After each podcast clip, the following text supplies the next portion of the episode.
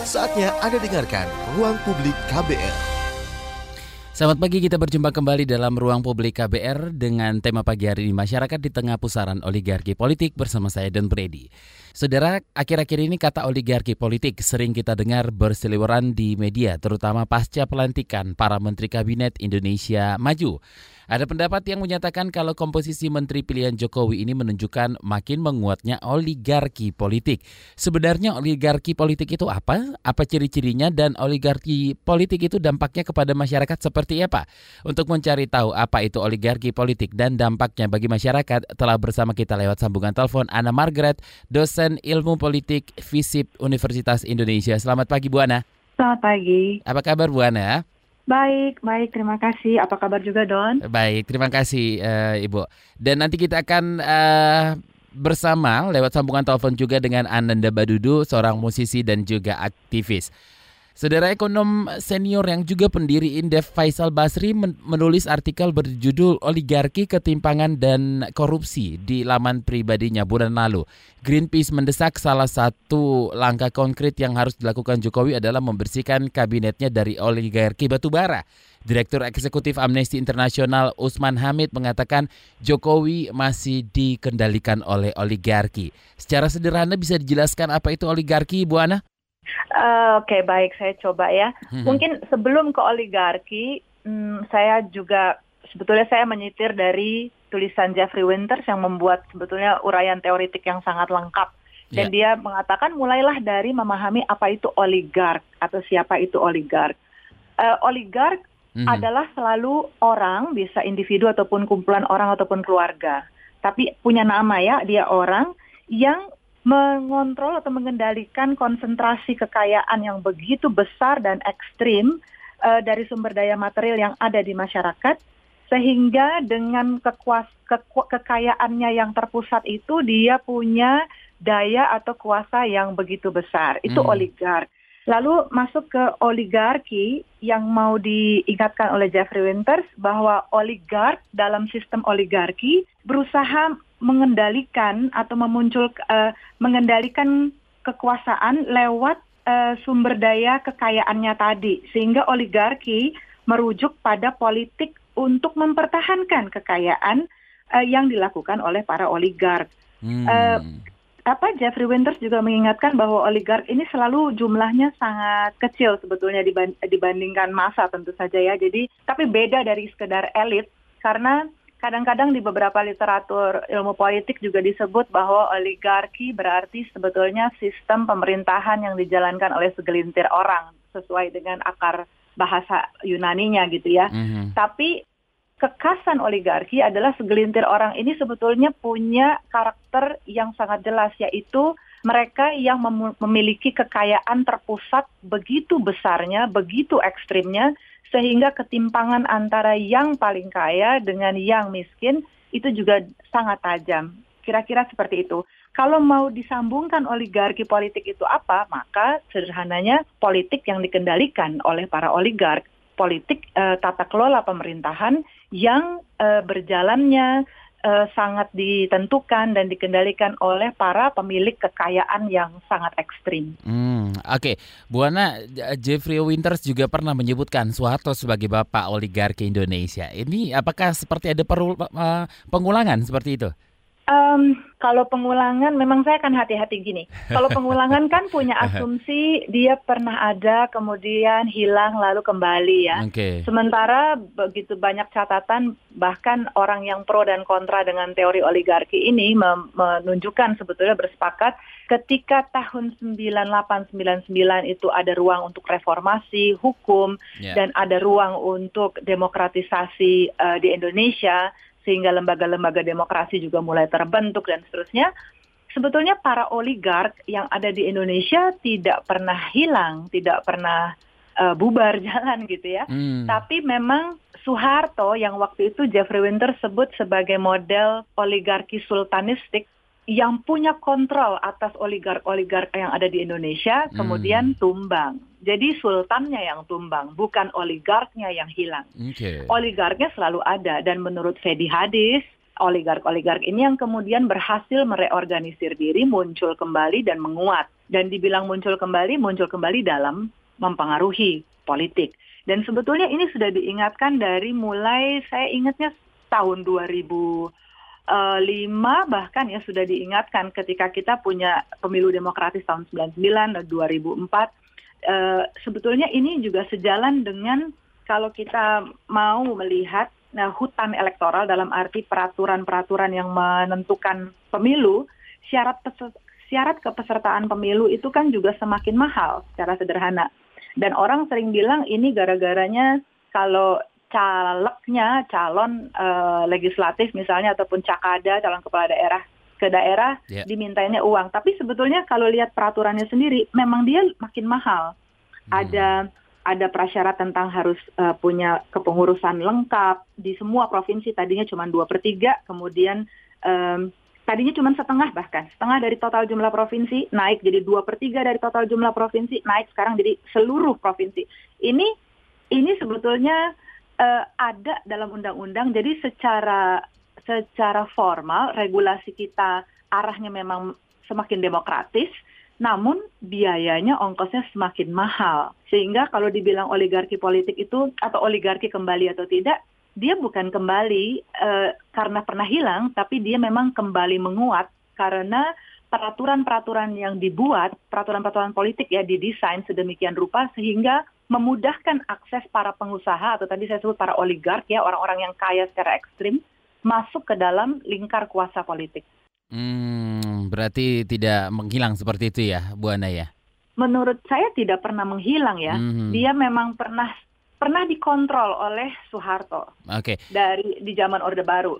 Karena itu kalau kita ingat saya saya akan langsung sebut nama. Kalau kita mau sebut oligark uh, di era itu ada Prayogo Pangestu, Bob mm -hmm. Hasan, mm -hmm. uh, Lim Cholyong. Ini ini dikontrol oleh Soeharto, mm -hmm. the Sultan. Apa dianggap uh, makanya Jeffrey Winters menamakan jenis oligarkinya oligarki sultanistik. Hmm. Tapi oligark-oligark ini sebetulnya terus ada, yang tidak ada itu sultannya tadi ya seperti saya bilang. Yeah. Makanya sekarang dengan desain uh, demokrasi yang sebetulnya juga tidak menetapkan kan persoalan utamanya sebetulnya adanya ketimpangan ekonomi yang sangat tajam, ketimpangan kekayaan yang sangat tajam di Indonesia dan itu yang tidak pernah uh, sebetulnya diselesaikan oleh proses demokratisasi di Indonesia.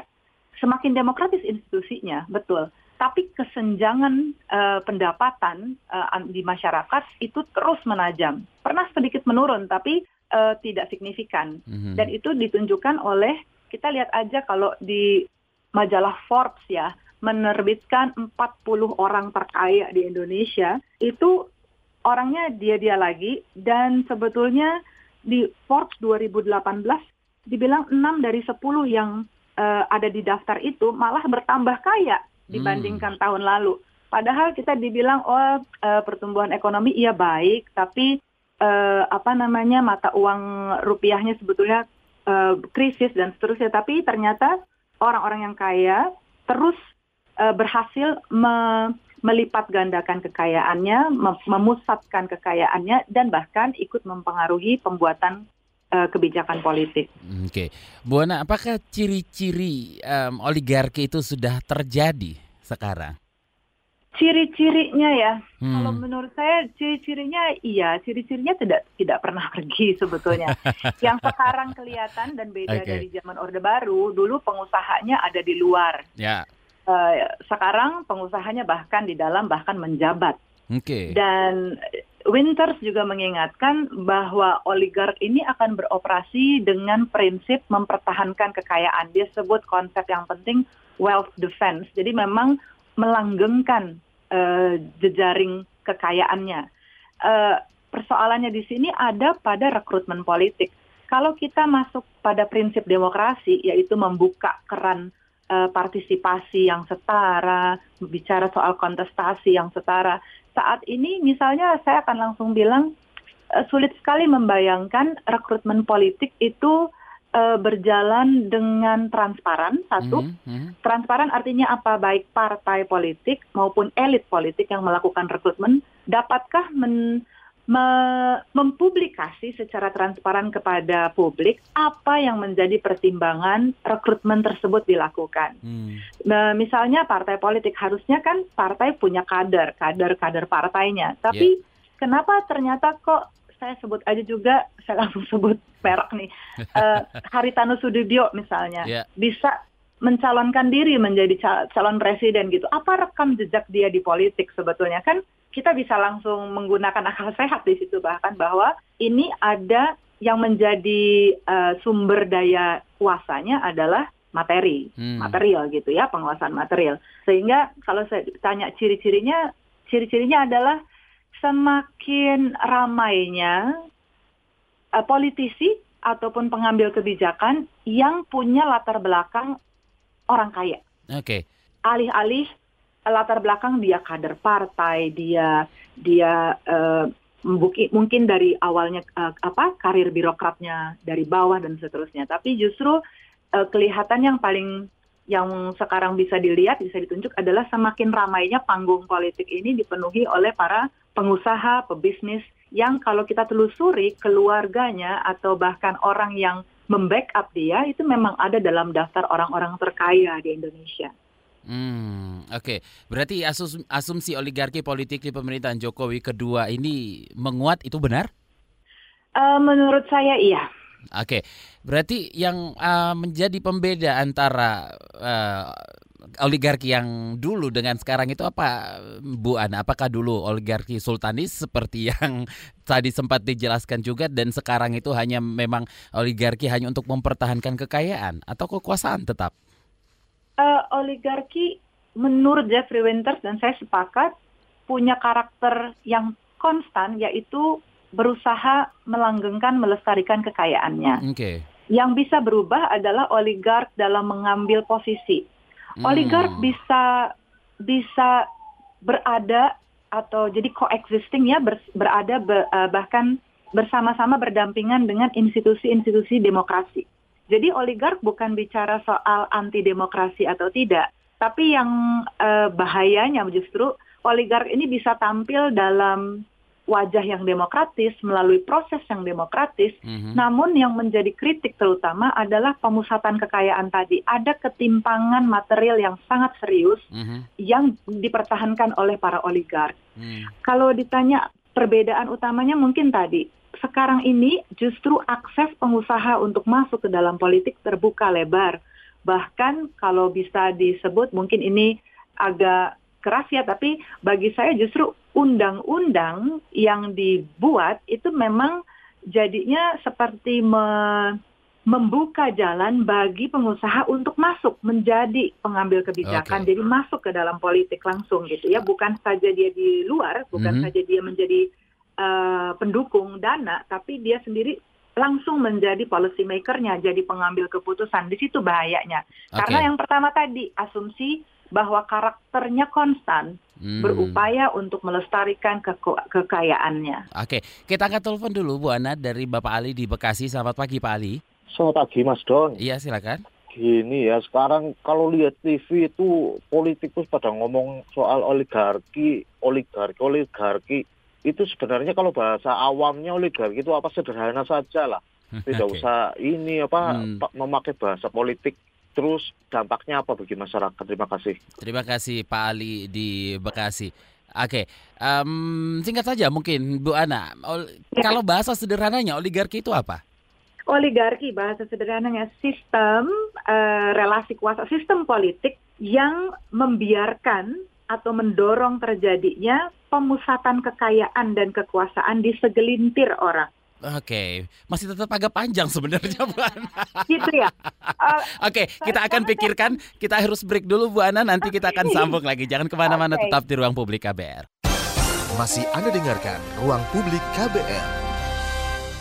Anda masih mendengarkan Ruang Publik KBR bersama saya Don Brady dengan tema pagi hari ini Masyarakat di Tengah Pusaran Oligarki Politik. Saya masih bersama em, narasumber saya melalui sambungan telepon Ana Margaret, dosen ilmu politik FISIP Universitas Indonesia.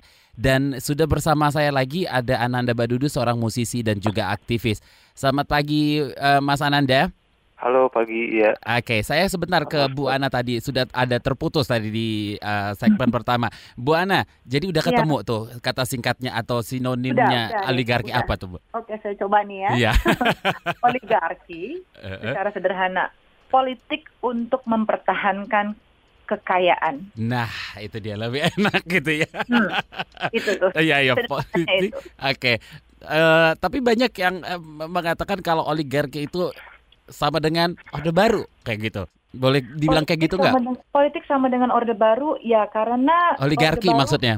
Oh, Iya. oli- oligarki sama dengan politik orde baru. Karena kita ketika tahun 9899 tadi saya mau bilang lagi eh, bahkan kalau pendukung teori oligarki percaya waktu reformasi terjadi itu bukan semata karena kuatnya gerakan mahasiswa dan demonstrasi. Gerakan terjadi masif, betul.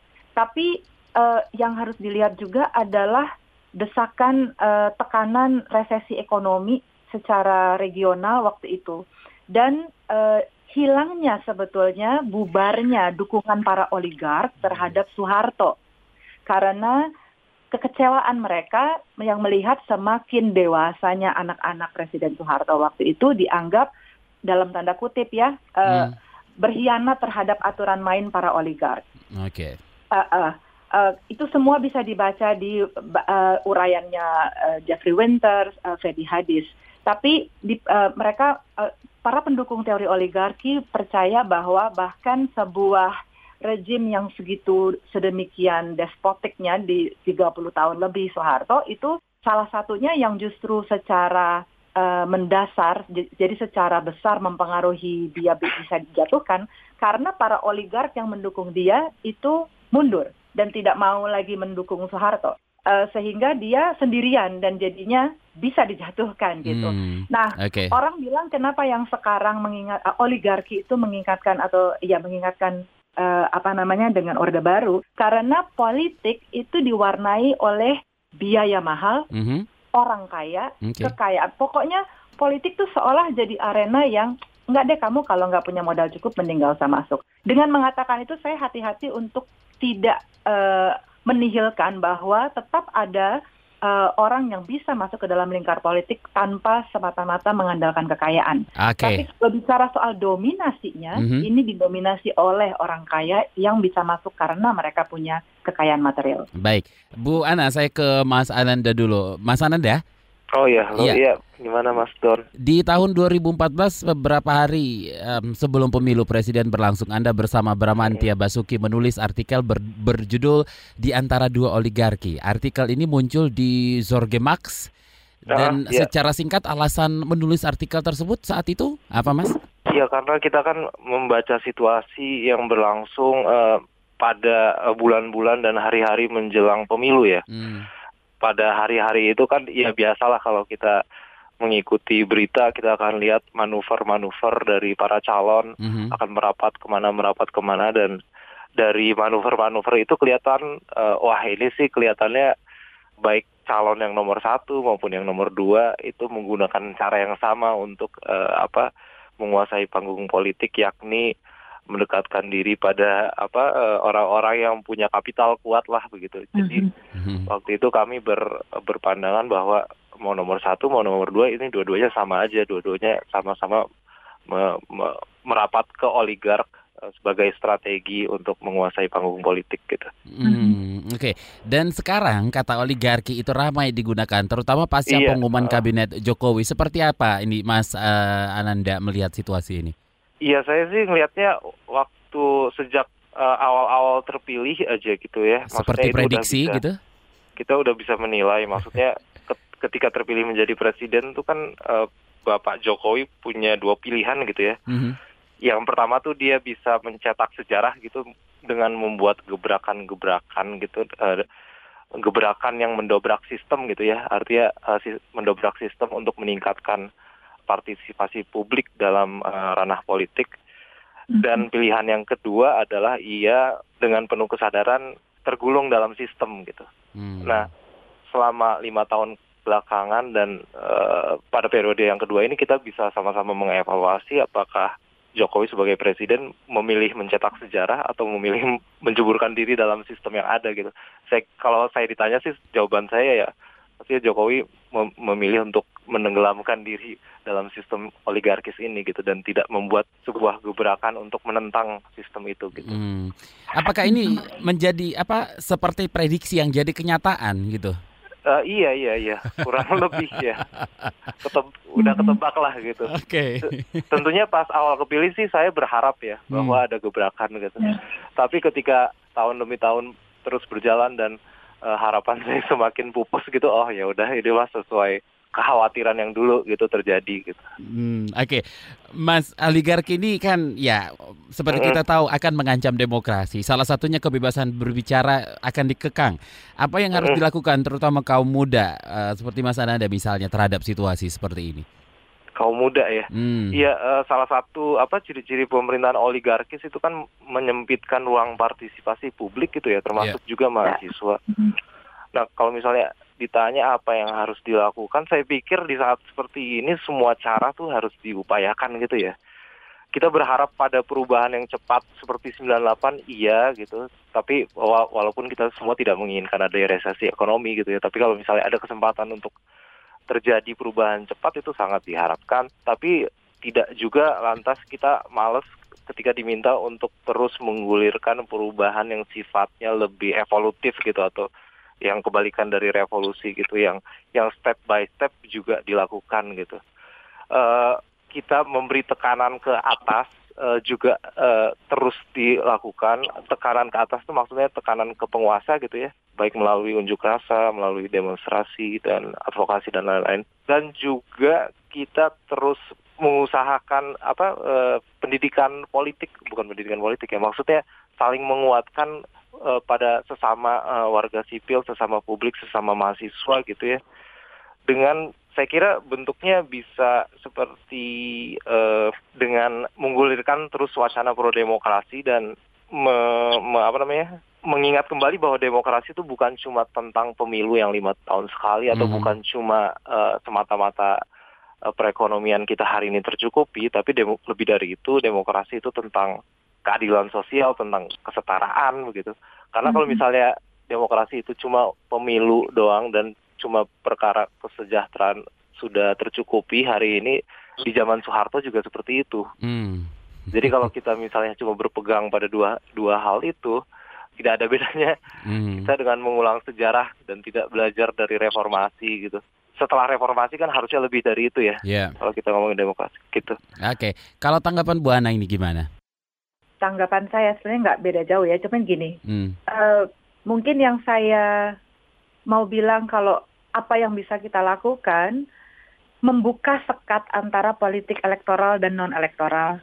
Saya akui bahwa politik non elektoral gerakan masyarakat sipil yang tidak uh, secara langsung berkaitan dengan pemilu itu sudah jauh lebih progresif. Tapi justru PR-nya adalah gimana supaya tidak terpisah gitu selain dalam analisis saja boleh dipisah, tapi ketika berjuang ini perlu perlu keterlibatan masyarakat sipil untuk mau tahu tentang hutan belantara elektoral. Mm-hmm. Saat ini kan yang kita bisa lihat bahkan sebetulnya dari yang terpilih di legislatif 2014, oligarki sedang bekerja untuk memusatkan sumber dayanya melalui perangkat legal formal, melalui aturan dan perundangan yang menguntungkan mereka lewat RU, RU bermasalah yang kejar diketok uh, ketika mereka mau habis waktunya. Hmm. Saya sepakat dengan Ananda bahwa politik tidak hanya soal pemilu, tapi jangan itu kemudian membuat kita malas tahu tentang pemilu, karena justru ini salah satu yang perlu diketahui eh, uh, dan direbut.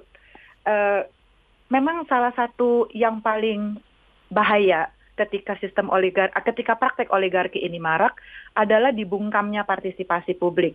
Jadi kalaupun uh, publik boleh berpartisipasi itu tidak substantif, uh, sifatnya sangat prosedural, sifatnya seperti pemenuhan uh, ya prasyarat saja gitu formalitas. Hmm. Nah, tapi ini yang bisa direbut gitu. Kalau saya makanya kembali tadi saya sempat uh, ya agak ngoceh gitu ya tentang undang-undang pemilu. Saya pikir itu penting. Okay. Uh, uh, aturan tentang siapa yang boleh ikut ikut dalam pemilu ini penting ini salah satu muaranya karena oligark-oligark ini bisa masuk sebagai penguasa, dia lewat pemilu salah satunya. Baik di, di kabinet oke, okay, lewat lewat penunjukan presiden karena itu prerogatif dia. Tapi yang masuk ke DPR, Tempo kemarin menunjukkan kan lebih dari 50% yang masuk itu pebisnis, hmm. bukan kader partai. Hmm. Apa yang bisa kita harapkan? Pebisnis akan membuat kebijakan yang menguntungkan bisnisnya. Ini okay. problem buat kita. Oke, okay. gitu. baik, Bu Ana, ditahan sebentar. Um, Mas Ananda, terima kasih atas waktunya. Oh iya. Sama-sama. Besok kita ketemu ya, jangan lupa ya Mas oh, Ananda. Iya, ya. okay. Baik. Selamat pagi Mas Ananda. Oke, Bu Ana kita harus break dulu, jangan ke mana-mana, tetap di okay. ruang publik KBR. Masih Anda dengarkan Ruang Publik KBR. Anda masih mendengarkan Ruang Publik KBR bersama saya Don Brady dengan tema pagi hari ini Masyarakat di Tengah Pusaran Oligarki Politik. Saya masih bersama Ana Margaret, dosen ilmu politik FISIP Universitas Indonesia. Bu Ana? Iya. Ya, kita bacain dulu WhatsApp yang sudah masuk. Ini dari Dewi okay. di Padang. Perbedaan kekayaan ini ekstrim, dampaknya apa lagi ya? Dampaknya, yang pertama tadi kan disebutnya soal partisipasi politik. Yang kedua sebetulnya saya sebut di awal bahkan rekrutmen politik. Jadi gini, hmm. uh, ini kan bermasalah kenapa? Karena politik se seyogianya itu berdiri untuk justru membawa kebaikan, kesejahteraan untuk semua. Prinsip yang penting tadi Ananda sempat sebut soal kesetaraan. Yeah. Begitu oligarki ada, Artinya tidak ada kesetaraan di sana karena oligarki ini hanya mungkin muncul dengan asumsi bahwa ada ketimpangan kekayaan yang begitu tajam dalam masyarakat. Barulah bisa terjadi oligark karena perlu ada oligarknya.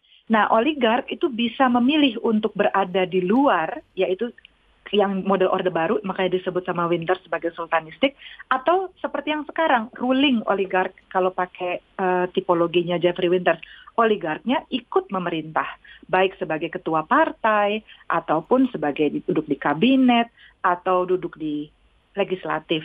Jadi uh, kalau dibilang uh, efeknya apa? Ketimpangan dalam ketimpangan ekonomi memang ketimpangan material dalam masyarakat akan semakin menganga dan dianggap sebagai sesuatu yang alami, natural, dianggap sebagai ongkos yang wajar demi majunya demokrasi. Ini kan bahaya.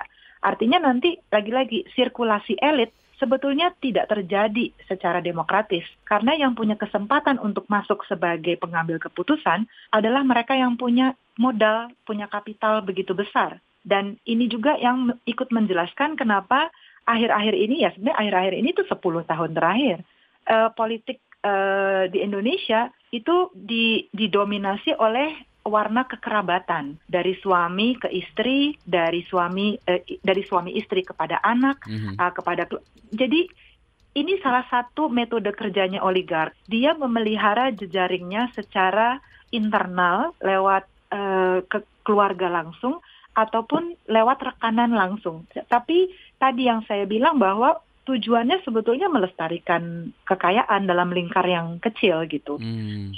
Oke, dari Wahyu di Depok, oligarki ini bisa diatasi dengan mengubah atau membuat aturan-aturan? Bisa, sangat bisa. Yang utama memang adalah buka ruang partisipasi politik yang luas agar betul bisa terjadi kontrol untuk memengaruhi alokasi dan distribusi sumber daya kolektif. Hmm. Itu terdengar sangat um, apa namanya uh, ideal kali ya, tapi memang di sana kuncinya karena lawannya oligarki adalah dispersi atau apa pembagian, pem, pembagian pemerataan. Ketika kekayaan terpusat di segelintir tangan, di segelintir orang kaya, di situlah jadi tanah subur tumbuhnya oligarki. Tapi kalau ada uh, didorong uh, dispersi atau uh, pembagian uh, alokasi terhadap sumber daya, dia bisa pelan-pelan diurai. Tadi kenapa saya bilang saya buat saya penting untuk mendorong masyarakat jangan anti pemilu, mm -hmm. jangan anti partai, karena ini peluang lima tahun sekali untuk kemudian kita bisa uh, coba untuk mempengaruhi siapa sirkulasi elit bisa terjadi meski lagi-lagi saya akui saya sangat paham ketika orang sudah sangat apatis karena ngapain milih orang yang dipilih uh, yang menang dan yang kalah sama-sama berkuasa kok gitu ya. Hmm. Tapi makanya saya bilang penting untuk kita kemudian bahkan mengarahkan perhatian ke regulasi-regulasi undang-undang parpol, undang-undang pemilu. Undang-undang inilah yang menetapkan siapa dan bagaimana yang boleh ikut serta dalam pemilu. Dan ada dua ya, dia boleh ikut pemilu dan kemudian dia boleh menang kursi di DPR RI. Saat ini baik syarat ikut pemilu maupun syarat ikut, syarat dapat menang uh, kursi di DPR uh, RI itu dua-duanya dibikin sangat sulit dan sangat mahal. Hmm. Uh, uh, buat saya secara langsung yang jadi perhatian uh, dan uh, dan perlu dikritisi adalah betapa nanti politik ini jadi playground uh, jadi ta taman bermainnya orang-orang kaya padahal demokrasi mencita-citakan bukan itu kesetaraan uh, transparansi dalam dalam rekrutmen sirkulasi elit perlu terjadi secara reguler dan damai betul tapi ketika terjadinya secara reguler dan damai namun didominasi oleh para elit ekonomi itu nggak betul. Bukan itu cita-cita demokrasi. Oke, um, Bu Ana, kalau dalam pandangan Bu Ana sendiri, seperti apa pemahaman masyarakat akan kondisi terkait oligarki ini? Kalau mungkin gini, kalau saya boleh uh, memilih Ananda sebagai salah satu representasi ya, memang yeah. kelompok anak muda gitu. Mm -hmm. Tadi kalau semoga saya tidak salah mengerti dari sangat singkatnya komunikasi tadi, mm-hmm. apatisme terhadap pemilu tuh sangat tinggi ya. Mm. Dan sekali lagi saya mau bilang saya sangat bisa mengerti itu. Karena yang dipertontonkan ke kita saat ini itu sangat buat orang ah nggak ada harapan lah. Mending kita mengupayakan perubahan tuh ekstra parlementer di luar politik formal dan seterusnya. Mm-hmm. Jadi buat saya eh, sepertinya ada kecenderungan memahami politik oligarki sebagai sesuatu yang eh, hanya mungkin dilawan dari luar politik formal. Padahal kalau dalam telaahnya justru eh, politik oligarki ini perlu ikut kita ganggu dari dalam, dari dalam politik formal, dari persoalan-persoalan yang mendasar Ananda tadi bilang soal pendidikan politik penting, iya, saya -hmm. setuju. Kita perlu sama-sama diskusikan secara terbuka kenapa sih bisa terjadi oligarki ini. Dan tadi saya udah bilang, oligarki ini bahkan bisa terjadi loh ketika demokrasi ada, tapi demokrasinya pasti prosedural. Karena oligarki ini muncul ketika ketimpangan ekonomi, ketimpangan kekayaan begitu tajam antara yang kaya dan yang miskin ada praktek pemusatan kekayaan, pemusatan sumber daya yang dibiarkan oleh negara. Dan itu terjadi pastinya bertahun-tahun. Itu akumulasi kekayaan yang terjadi uh, beberapa keturunan. Itu bisa terjadi karena ada investasi yang bisa dilakukan oleh sekelompok orang secara masif uh, dan lagi kata kuncinya terkonsentrasi. Kalau dibilang pemahaman masyarakat, saya sih berharapnya gitu masyarakat mau ikut mengupayakan supaya kontestasi di pemilu dan partisipasi politik itu sebagai sesuatu yang uh, penting kalau memang kita mau lawan oligarki politik. Hmm. Apatisme masyarakat inilah justru yang mendorong stabilitas politik dan melanggengkan oligarki. Okay. Oligarki ini kawan baiknya adalah stabilitas politik, status quo semakin stabil, semakin kuat status quo, semakin subur oligarki karena kepentingan investasi tidak terganggu. Karena dia akan berkembang ketika investasi itu berjalan dengan mudah, berjalan dengan uh, apa namanya? Ya pokoknya iklim investasi yang baik itu kan uh, mensyaratkan kestabilan. Dan hmm. kestabilan itu mensyaratkan apa? Jangan ada kegaduhan. Masyarakat nggak usah banyak-banyak protes masyarakat nggak usah banyak-banyak kritis gitu. Nanti investasi terganggu. Kalau investasi terganggu tuh sebetulnya yang paling terganggu siapa sih? Oligark. Mm -hmm. Oke, okay. baik. Um, Bu Ana, eh, kalau oligarki ini ter, bisa nggak sih oligarki ini terjadi uh, di lingkup yang lebih kecil, misalnya tingkat kelurahan atau kecamatan? Bisa saja, mm -hmm. bisa saja. Meskipun gini, kalau dia bisa terjadi di mana, bisa terjadi ketika ada upaya untuk uh, menggunakan atau ada upaya untuk memperoleh kekuasaan dengan menggunakan kekuatan material. Itu sebetulnya sudah oligark. Hmm. Itu sebetulnya sudah okay. oligarki esensinya. Hmm. Jadi dalam apa pemilihan kepala desa, pemilihan uh, ya di, bahkan di tingkat kelurahan uh, RT bisa saja ketika kita lihat bahwa kekuasaan politik karena itu kan politik di tingkat hmm. administrasi hmm. yang paling kecil hmm. ya, okay. itu uh, direbut dengan daya utama di belakangnya kekuatan material atau kekuatan Ya, eh, oke. kekayaan. Itu itu sudah praktek oligarki. Oke, baik. Sebelum kita break ini ada satu WhatsApp lagi dari Amanda di Manado. Pencegahan oligarki seperti yang Ibu sebutkan Undang-Undang Pemilu yang merupakan pintu masuknya penguasa-penguasa dalam politik. Ini yang harus diubah. Apalagi yang bisa diubah aturan-aturan seperti apa yang harus dibuat? aturan seperti apa yang dibuat. Saya kalau secara formal, kalau bicara aturan kan artinya legal formalnya ya. Yang Hmm. terpikir oleh saya ya sebetulnya tadi syarat ikut pemilu dan syarat kemenangan eh, part, apa memenangkan kursi di DPR RI karena eh, kita tahu DPR legislatif ini kan sebetulnya eh, rumah pembuatan kebijakan yang utama ya payung apa apa undang-undang gitu. Mhm, Meskipun lagi saya akan bilang undang-undang tidak menjamin semuanya baik. mhm. Tapi kalau undang-undangnya aja udah ngaco, itu dijamin bawahnya ke bawahnya semakin Mhm. bahaya. Oke, Bu Ana koreksi saya kalau kalau salah. Eh, ini salah satu pencegahan oligarki juga kah yaitu eh, presiden hanya boleh menjabat dua periode? Betul. Oke, itu baik. iya. Kita harus break, Itu jangan iya. ke mana-mana. Tetap di ruang publik KBR. Masih Anda dengarkan Ruang Publik KBR. Kita sudah di segmen terakhir Ruang Publik KBR bersama saya Don Brady dengan tema masyarakat di tengah pusaran oligarki politik. Dan saya masih bersama Anna Margaret, dosen ilmu politik FISIP Universitas Indonesia. Bu Ana, Ya, ya kita ya, kita sudah di segmen terakhir nih Bu Ana. Oke. Tuan, ya. Bu Ana ada nggak sih contoh di negara yang em, bisa membebaskan diri dari lingkaran oligarki politik?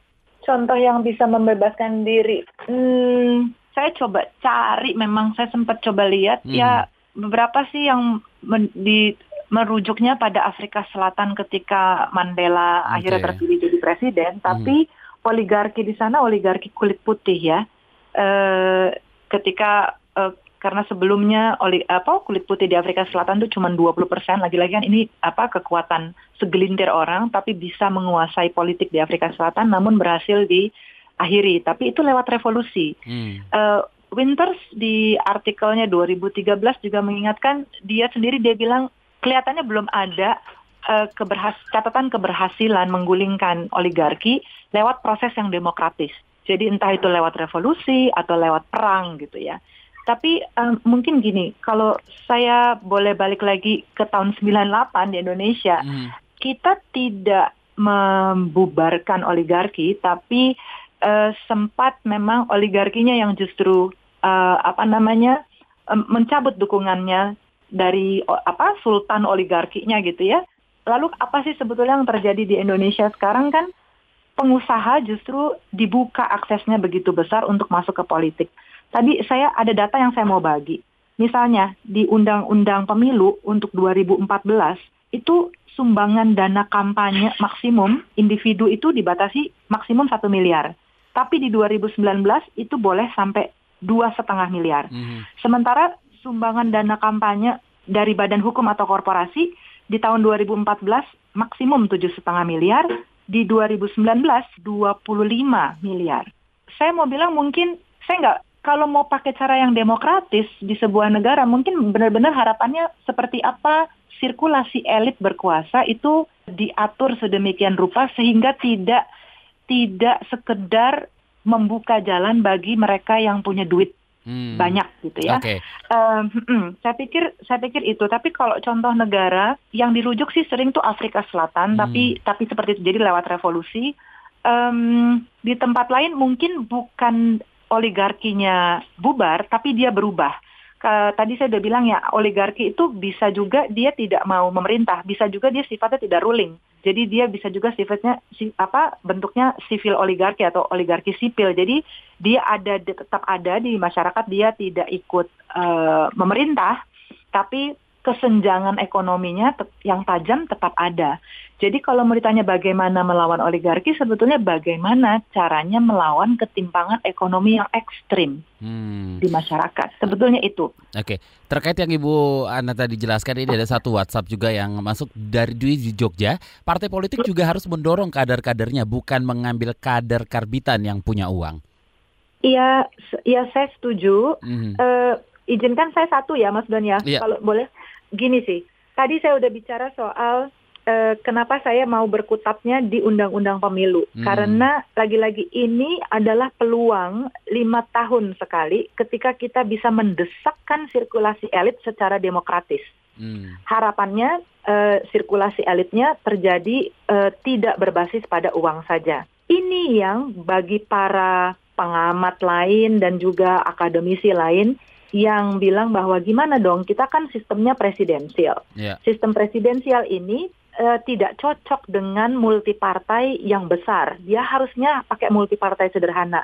Dan atas alasan itulah sebetulnya undang-undang pemilu sejak 99 sampai 2019 dibikin sedemikian rupa sehingga semakin menyederhanakan tapi sebetulnya intinya menyedikitkan jumlah partai yang boleh ikut pemilu. Ini adalah dilema karena kalau jumlah partai yang boleh ikut pemilu juga semakin sulit, kan sebaran kuasa atau pergantian eh, pemain gitu ya Mhm. akan juga semakin kecil peluangnya. Mhm. Akan dia lagi dia lagi. Oke, ada pembatasan masa jabatan presiden, tapi tidak ada eh, pengaturan tentang boleh munculnya kekuatan politik alternatif yang eh, baru gitu ya untuk muncul untuk memang jadi pol- eh, partai peserta pemilu mengusung eh, eh, apa namanya eh, calonnya yang memang bukan bagian dari jejaring oligark lama. Dan sebetulnya ini yang perlu diperjuangkan juga. Bagaimana kita bisa mengusung ada dalam tanda kutip ya darah baru gitu di politik yang bukan bagian dari jejaring oligark lama. Ini tantangan besarnya. Mhm. dan itu yang menurut saya kalau lagi mau pakai cara demokratis maka kita coba desaknya revisi undang-undang pemilu dan undang-undang parpol supaya mereka pilih mereka nih maksud saya orang-orang yang membuat kebijakan ini ya orang-orang policy makersnya pilihlah mau mempersulit syarat ikut pemilu Mhm. tapi mempermudah kontestasi untuk menang eh, kursi di DPR itu lewat PT yang PT 4% itu kan gede sekali atau sebaliknya PT-nya dibikin nol tapi memang syarat ikut pemilunya dibikin sulit sekali. Jadi jangan dua-duanya dikunci. Saat ini tuh dua-duanya dibikin susah, baik partisipasi maupun kontestasi dibikin susah. Oke. Eh, orang untuk ikut pemilu itu mahal banget, untuk menang pun susah banget.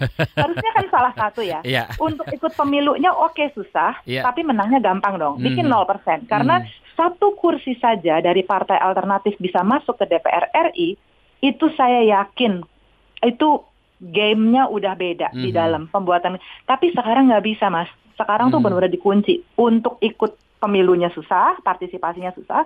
Untuk menangnya apalagi untuk masuk DPR RI. Makanya kalau kita lihat partai-partai baru banyak yang tersingkir justru nggak bisa kan dapat dapat kursi di DPR RI karena PT yang sangat mahal yaitu 4%. Baik. Yang lagi-lagi alasannya untuk penyederhanaan partai. Nah, inilah PR bersama gitu. Apakah kita mau me- mengendalikan oligarki lewat cara demokratis atau cara non demokratis? Oke, Bu Ana terima kasih atas waktunya pagi ini. Terima kasih sama-sama Mas Don. Baik, itu tadi ada Margaret dosen ilmu politik FISIP Universitas Indonesia dan sebelumnya ada Ananda Badudu posisi dan aktivis dan demikian ruang publik kali ini saya Don Brady pamit salam. Baru saja Anda dengarkan Ruang Publik KBR.